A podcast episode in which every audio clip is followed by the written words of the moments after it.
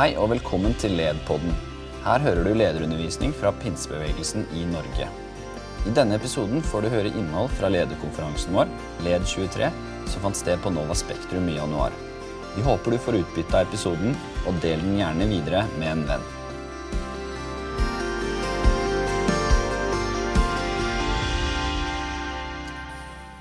Det hender jeg som lovsangsleder får feedback. Ja, det hender. Og den kommer i forskjellige former. Men jeg husker en gang etter at jeg hadde redet lovsang, så kommer det en jente bort til meg og så sier hun at David, jeg syns det høres litt fristende ut å tilbringe en evighet i himmelen. Og så måtte jeg spørre henne litt overrasket. Ja, men, ja vel, hva mener du med det? Jo, så sa hun det står jo i Bibelen at vi skal tilbe i himmelen i all evighet. Men det er jo ikke noe for meg, sa hun. Så synes at lovsangen her nede varer en evighet allerede. Og jeg vet ikke om du er en sånn som føler at lovsangen aldri tar slutt, eller om den aldri burde tatt slutt. Men det vi gjør mest, er ofte det vi forklarer minst. Og noe av det vi gjør mye av i en moderne menighet, det er at vi lovsynger og vi tilber. Og jeg tror at om vi får en forståelse av hvorfor vi tilber, og hva som skjer når vi tilber, så tror jeg vi kan gå et langt stykke i kirkene våre. Det handler ikke bare om å få en bedre lovsangsleder eller en trommis som holder takten. Men når vi som forsamling og folk forstår hva tilbedelse egentlig er, så tror jeg det skjer noe. Jeg har fått tolv tilmålte minutter. Jeg skal gå ta gjennom åtte punkter om hva som skjer. Og Dette kan gå fort, for det er snart lunsj. Men det første som skjer når vi tilber, det er at vi forkynner. Visste du at vi husker et budskap åtte ganger bedre når vi setter musikk til det? Så om jeg synger dette, hva gjør dere da? All you need is mm, Bra. Eh, vi må ta den her, da. Her blir det liv. Veldig bra. Oh, oh, oh. Ja da, dere kan trønderrock. Det er veldig fint. Jeg trodde ikke dere skulle ta den siste der, men uh, nå var uh, Frank og Ingrid, Ingrid glad her. Musikk til budskap det er en fantastisk god kobling. Det forsto troshelter som Martin Luther og som William Booth og TB Barrat. De brukte musikk for å spre sitt budskap. Og så satt de ofte kristne tekster til melodier som folk hadde hørt på puben eller i populærkulturen.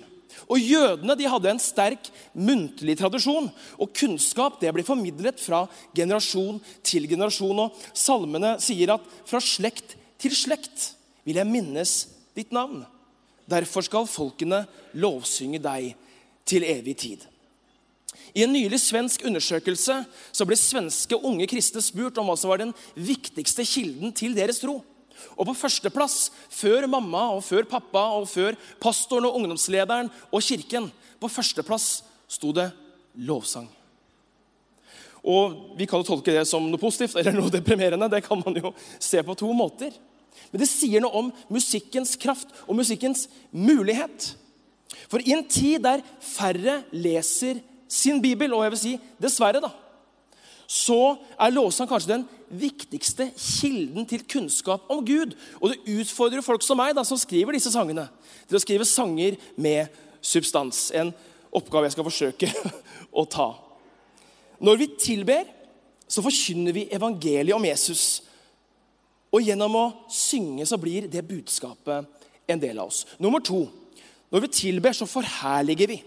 Jesus er ikke bare lovsangens sentrum, han er også lovsangens muliggjører. Han, da han hang på korset og sa det er fullbrakt, så revnet forhenget tempelet fra øverst til nederst. Og Guds herlighet og Guds nærvær ble forløst ut i verden. Og nå sitter han som vår ypperste prest ved Faderens høyre hånd. Lovsangens ytterste mål må alltid være å forherlige Jesus. Og Vi får et glimt av hvordan dette ser ut i Bibelens siste bok. I åpenbaringen står det Og jeg så et lam som sto midt på tronen, mellom de fire skapningene og i kretsen av de eldste. Og det så ut som om lammet var slaktet. Så hver levende skapning tilber sammen, og alle fokuserer på én trone. Og på den tronen sitter Jesus. Den tredje tingen som skjer når vi tilber, det er at vi fordyper. C.S. Lewis har sagt at i tilbedelsen så gir Gud seg selv til oss. Det er en historie om Michael Reagan, som var den adopterte sønnen til Ronald Reagan, den 40. presidenten i USA. Og I farens begravelse så begynner Michael Reagan sin tale med God kveld. Jeg er Mike Reagan. Du kjente min far som guvernør og president. Jeg kjente ham som pappa. Vi kan bruke mange ord om Gud, men tenk at Gud selv bruker ordet far om seg selv. Den hellige, den store, den uforståelige, store og ufattelige Gud bruker et familiært, et nært, et intimt ord for å beskrive hvem han er. Han ønsker en relasjon med oss, en relasjon som fordypes når vi tilber. Det fjerde som skjer når vi tilber, det er at vi formes. Og La oss gjøre det klart at Gud trenger ikke vår tilbedelse, akkurat som Magnus akkurat snakket om. Gud trenger ikke vår tilbedelse for å være Gud. Han står ikke opp om morgenen og kjenner seg litt sånn ah, I dag så kjenner jeg meg ikke så veldig Gud. ass. Jeg trenger litt tilbedelse. Gud er jo ikke usikker på seg selv. Han har ikke et dårlig selvbilde. Nei, Gud vet veldig godt han, hvem han er. Vår tilbedelse kan ikke forandre Gud, men vår tilbedelse kan forandre oss. For vi blir lik den tingen vi tilber. Ordspråkene sier, 'Bevar ditt hjerte framfor alt du bevarer', for livet går ut fra det. Så retningen for ditt liv det avgjøres ikke av hva du kan, det avgjøres ikke av hva du vet, engang hva du tror. Men retningen for ditt liv avgjøres av hva du elsker, og hva du tilber. Så dersom vi vil bli det vi elsker, så må vi elske det vi vil bli. Vi tilber ikke Gud fordi det skal forandre ham, men vi tilber Gud fordi det former oss. Nummer fem. Går det bra? Forvandler. Det står en eh, historie i Apostlenes gjerninger. Paulus og Silas i fengselet. Og det står ved midnattstid holdt Paulus og Silas bønn og sang lovsanger til Gud mens fangene lyttet til dem. Med ett kom et jordskjelv så kraftig at grunnmuren i fengselet ristet. Straks sprang alle dørene opp, og alles lenker falt av. Iblant så har jeg fått spørsmålet David, hvilken konsert skulle du ønske at du hadde vært på? Av alle konserter som har vært holdt i verden. Og jeg har vært på mange bra konserter. Jeg har vært på veldig mange U2-konserter. Jeg så til og med Michael Jackson på Valle Hovin i 95. Jeg har fått med meg mye bra. Men hvis det er én konsert jeg gjerne skulle overvært, så var det denne konserten her.